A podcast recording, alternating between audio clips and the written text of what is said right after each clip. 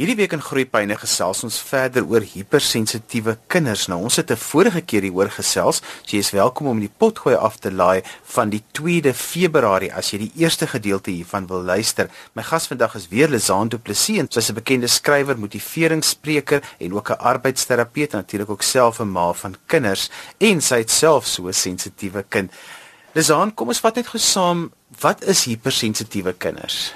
Johan, ons gesels spesifiek hier oor kinders wat se temperament ehm um, vir ons wys dat daar dalk 'n kombinasie van ehm um, simptome of gedrag is waarvan hypersensitiwiteit een kan wees en dit kan dan insluit spesifiek sensoriese sensitiwiteit en ek praat gereeld van ons krimpvarkie kinders wat ehm um, se drempel bietjie laer is in terme van wat hulle gehoor en wat hulle sien so hulle kan maklik oorweldig geraak. So dit definieer soort van daai hypersensitiewe deel. Ehm um, maar dan gesels ons ook verder oor daai kinders wat se temperament dalk ook meer ons introverte kinders is. Ehm um, so dit kan meer jy weet ons stiller kinders wees wat opmerksaam is wat dalk geneig kan wees tot angstigheid en negativiteit en onttrekking met hierdie kinders se behoeftes voel ek nie aangespreek word nie. So dit is die tipe kinders waaroor ons praat vandag. Dis ook baie keer die kind wat die ma so vorentoe stoot en sê maar wys vir die oom, wys vir die tannie wat jy kan doen. En vir sulke kinders is dit 'n absolute nagmerrie. Dis al hulle reël dit mense dit nooit moet doen nie, maar vir sulke kinders is dit nog erger. Ja, nee, dit is so verseker want ons samelewing sien die eienskappe van om op te kyk en vir oom en tannie te groet om ehm um, selfverseker te wees om ons hande te kan opsteek en vrae te kan antwoord in die klas. Ons samelewing dryf vir ons kinders na daardie tipe gedrag toe want ons sien dit as 'n positiewe ehm um, ons sien dit as positiewe eienskappe wat veroorsaak dat ons met ander woorde as kinders nie so is nie. Hulle dit baie keer as negatiewe eienskappe sien en dan sien dat ons hierdie kinders moet verander want dit is hulle moet hulle moenie so wees nie. Hulle moet die kinders wees wat hulle hande kan opsit. Maar navorsing wys vir ons dat hierdie kinders se breine anders bedraad is. Um, en dat hulle ook 'n baie sterk en 'n dik grysstof in hierdie area van hulle dele van hulle brein het wat wat geassosieer word met abstrakte denke en besluitneming. So die kinders neem langer dalk om besluite te neem, neem langer om te besluit of ek van ooms Koos en tannie Sunny hou.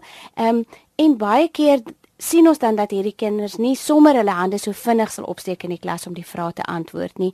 So ons is hier om vandag vir ouers en vir onderwysers te sê dat ons hierdie kinders moet koester en dat ons nie noodwendig hierdie kinders se eienskappe moet verander nie.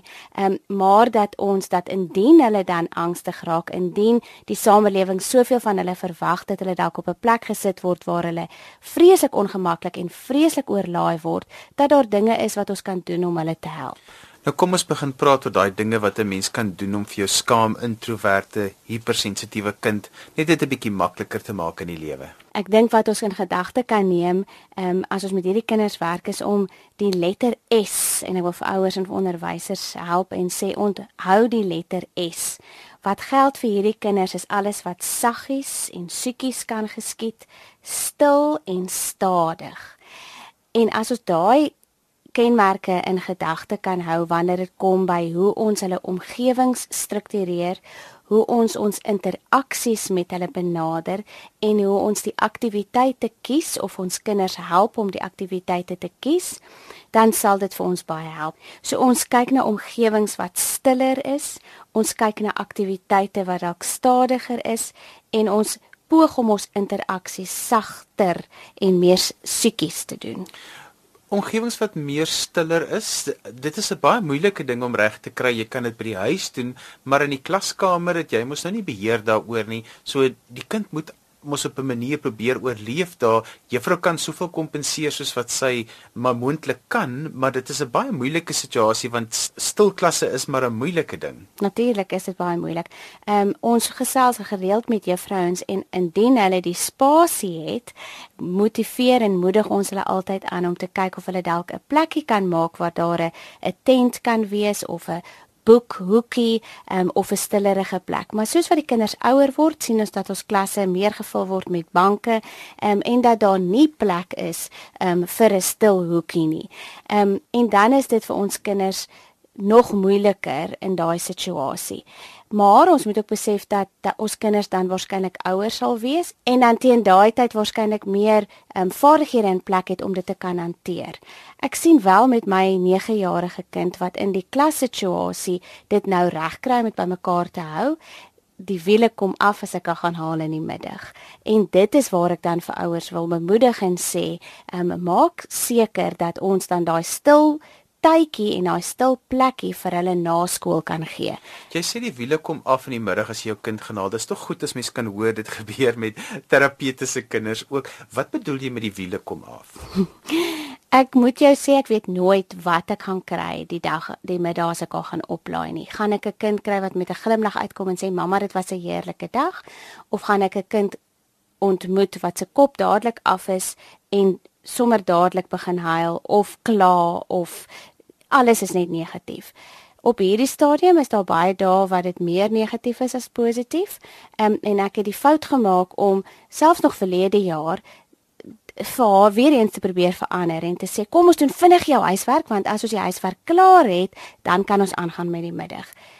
Maar hierdie kinders is nie so bedraad nie. Dit is en nou het ons ons rotine heeltemal verander. Ons kom by die huis as ons nie 'n aktiwiteit na skool het nie en ons kan nou oor aktiwiteite praat en dan gee ek vir haar tyd om op haar eie te wees en ek peper haar nie met vra en vra, ehm, um, hoe was jou dag? Vertel vir my wat het jy alles gedoen nie. Johan, dis maar dis moeilik want ons voel dit is wat ons moet doen as ouers, behalwe dat ons belangstel en graag wil weet, is dit ook iets wat ons voel ons moet doen. Ons moet vir ons kinders vra hoe was hulle dag. Maar met hierdie kinders en met hierdie dogtertjie van my, weet ek dat dit nie die tyd is om daai vrae te vra nie. Dis ook nie die tyd om huiswerk te doen nie. So, ehm um, ons het nou rituele en ehm um, rotines in ons huis geskep waar sy vir 'n goeie goeie halfuur tot 45 minute um op haar eie kan wees, in haar kamer kan wees, gaan lees of 'n stokperdjie beoefen wat ek weet wat haar reguleer.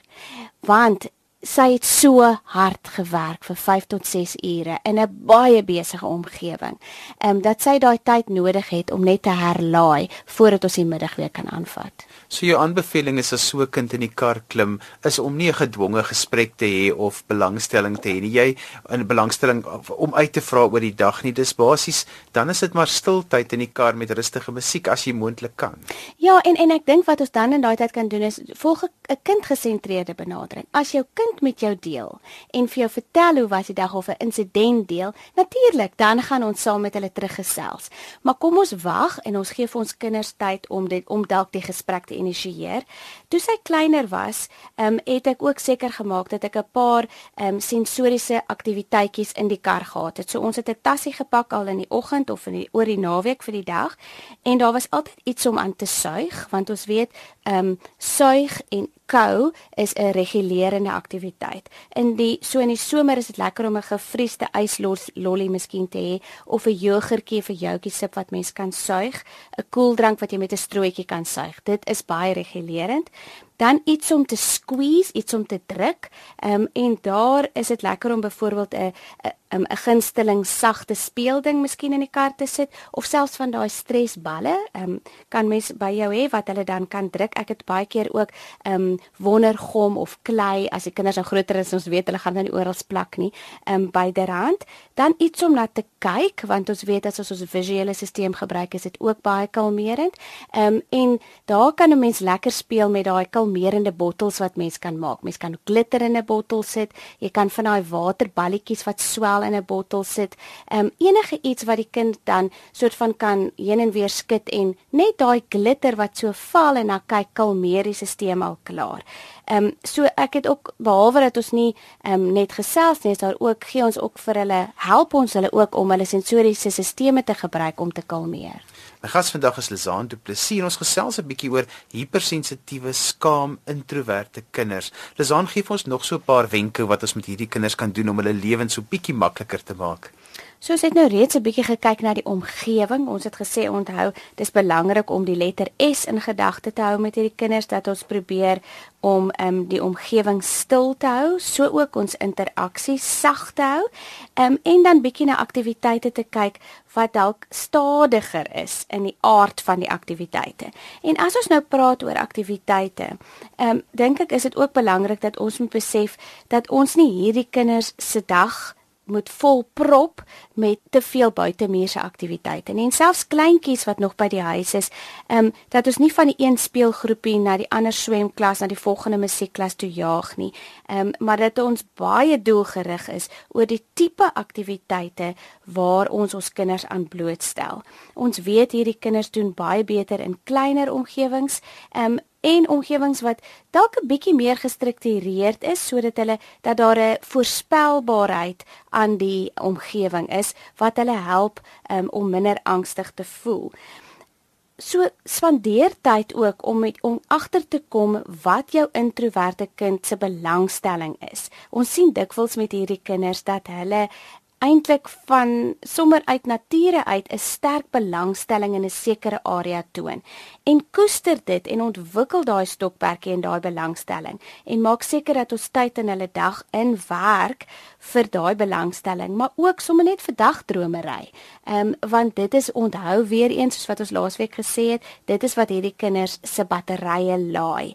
Ehm um, en ander aktiwiteite wat be belangrik sou wees is bewegingsaktiwiteite en aktiwiteite wat diep drukking ehm um, vir ons kinders gee want weer eens ons weet dit is kalmerend. So met badtyd is dit lekker om bietjie massering in te bring ehm um, of om bietjie rowwe stoei saam met pappa op die bed in te bring. So ons sê nie alles moet net doodstil gaan staan nie want ons weet wanneer ons kinders beweeg en wanneer hulle diep drukking ervaar dit hulle reguleer, maar wees doelgerig oor die tipe aktiwiteite wat 'n mens kies. Ehm um, my introverte kind vind ook spansporte ontsettend intimiderend um, en glad nie genotvol nie. So ons moes gaan kyk het wat is daar wat vir haar werk. En ehm um, landloop, lang afstande waar sy eintlik 'n bietjie op haar eie kan wees met haar eie gedagtes is wat ons nou hierdie afgelope jaar gevind het wat vir haar werk. Ehm um, baie van hierdie kinders hou van fietsry, hulle hou van rotsklim veral met die ouer tieners. Ehm um, en dit is aktiwiteite wat ek sal aanmoedig vir hierdie tipe kinders. Kom ons praat gou die res van die gesin want dit is mos nou realisties dat in gewoonlik en dit is maar hoe die natuur werk is waar ons so skaam introverte kind het is daar altyd ook 'n 'n ander kind wat 'n absolute ekstrovert is en vir wie hierdie goeters net so maklik kom en mense sit met hierdie twee kinders in dieselfde motor voor dieselfde televisie voor dieselfde etenstafel. Mm. En daarmee saam kom natuurlik baie voordele en baie nadele, want ons introverte kind kan leer by ons ekstrovert en sien maar hoe sosiale interaksies eintlik maklik is. En ehm um, alhoewel dit vir hulle nie maklik is nie, kan hulle sien maar dit hoef nie moeilik te wees noodwendig nie en dat mens baie genot daaruit kan put en die ouer boetie of sussie of die jonger boetie of sussie dit hoef nie net ouer te wees nie wat die ekstrovert is en selfs die ma en pa wat die ekstrovert is um, is 'n rolmodel in hierdie situasie. So dit is die positiewe wat wat hierdie kind in die in die gesinsstruktuur daaruit kan kry. Die negatiewe of die meer uitdagende ehm um, komponente het definitief in ons huis ook al afgespeel waar my oudste ekstrovert nie kan verstaan hoekom haar sussie so sukkel met dinge soos partytjies of mondelinge of doeteenvoudige aktiwiteite wat sy baie graag wil doen nie. So daar kom die ehm um, opleiding en die bewusmaking van ouers baie sterk deur waar ons vir ons ekstroverte kinders moet en vir pappas en vir mammas wat nie begrip het hiervoor nie, moet help om te verstaan dat dit oukei is dat sissie so is, dat ons almal verskillend is. Ehm um, en dat sissie nie noodwendig so hoef te wees soos jy nie, want so kweek ons empatie en ons weet empatie is een van daai ongelooflike belangrike vaardighede wat ons eintlik wil hê almal in die gesin moet hê. Maar dit beteken nie dit kom nie met uitdagings nie. Naweke in ons gesin is moeilik want die introverte wil in in die huis bly. Hulle wil nêrens heen gaan nie. En ons ekstroverte, ek en my ouer dogtertjie, ons wil weer uitgaan. So dis om daai balans te kan kry en en begrip vir mekaar te kan kry. En dit kom oor jare. Dit is nie net iets wat wat outomaties gebeur nie. Jy raak nou iets aan wat ek juis nou vir jou wou na gevra het. Is hoe beplan julle uitstappies met twee sulke verskillende kinders dat dat dit vir altyd tog genotvol is want wat die een geniet geniet die ander nou nie noodwendig nie mm. maar iewers tussenin moet hulle mos daarom ook nou besef ek kan nie net altyd dinge kry presies soos ek dit wil hê nie. Ja, presies, dit is die grootste ding wat ek dink wat ons doen in ons gesin is om te om voorspelbaarheid in te bring.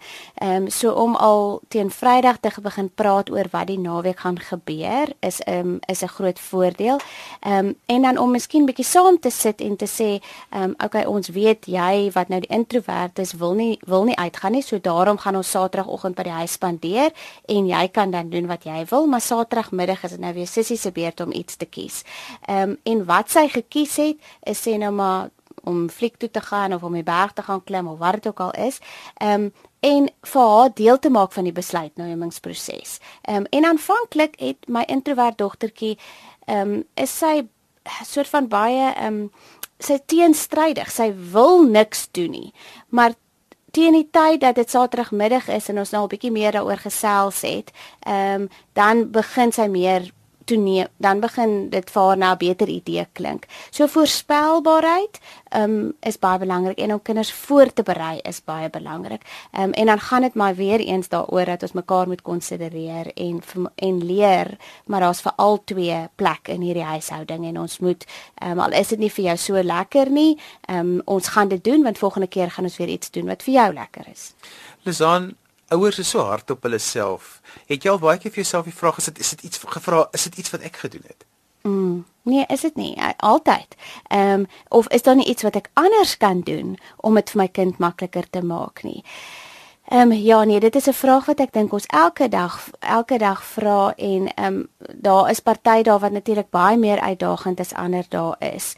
Ehm um, ek dink ek dink ons moet op daai plek kom as ouers waar ons net besef maar ons is die uitgesoekte pa en ma vir hierdie kind. Ehm um, en dat dit makliker is wanneer ons nie links en regs die hele tyd kyk nie. Ehm um, my tye wanneer ek die meeste vrae vra en die meeste dit bevraagteken, die meeste gefrustreerd raak met die gedrag wat ek uitdagend vind is die dae wanneer ek na ander mammas en ander huishoudings kyk en dit vir my lyk asof dit so maklik gaan daar. Ehm um, dit is die dae wanneer dit vir die moeilikste is. Ehm um, en so ek wil weer eens vir ouers uitdaag um, om doelgerig te wees um, en bewus te wees oor hulle unieke situasie as gesin um, en om dit te koester um, en om nie hierdie orgidee kindertjies waarvan ons laas keer gepraat het, hierdie hierdie kinders, hierdie hipersensitiewe kinders is soos orgidees. As hulle in die regte omgewing is en die regte interaksie kry, dan blom hulle. Ehm um, ons hoef nie hierdie kinders te verander nie. So moenie moenie links en regs kyk na die gesinne om jou nie. Koester die orgidee wat in jou huis is. Ehm um, en dan sal ons vir onsself minder vra vra en minder ook baie keer voel dat ons nie die pas kom nie. Lisan, jy hou daarvan om met ouers te skakel. Hoe kan ouers met jou kontak maak? Hulle wil baie graag met jou kontak maak. Ehm um, ja, ja, dit sal heerlik wees om met ouers te skakel. Ek het ook 'n konsultasie ehm um, diens vir ouers wat nie na my toe fisies kan kom nie. Ehm um, en dit kan hulle graag dit kan hulle enige tyd op my webwerf gaan navors. Ek is Lizan Du Plessis, L E Z A N N E duplessis.com. Ehm um, gaan gerus ook na my Afrikaanse Facebook bladsy Lizan Du Plessis doelgerigte ouerskap. Ehm um, dit sal heerlik wees om om met die ouers te gesels. Dis en alwaar vir ons tyd het vandag en jy kan weer na vandag se program luister as 'n pot gooi. Laai dit af by rsg.co.za. Ons het vandag 'n bietjie gesels oor hypersensitiewe, skaam, introverte kinders. My gas was Lizaan Du Plessis en sy is 'n bekende arbeidsterapeut, skrywer en motiveringsspreker. Skryf gerus my e-pos by groeipyne by rsg.co.za. Dan groet ek dan vir vandag tot volgende week van my Johan van Lille. Totsiens.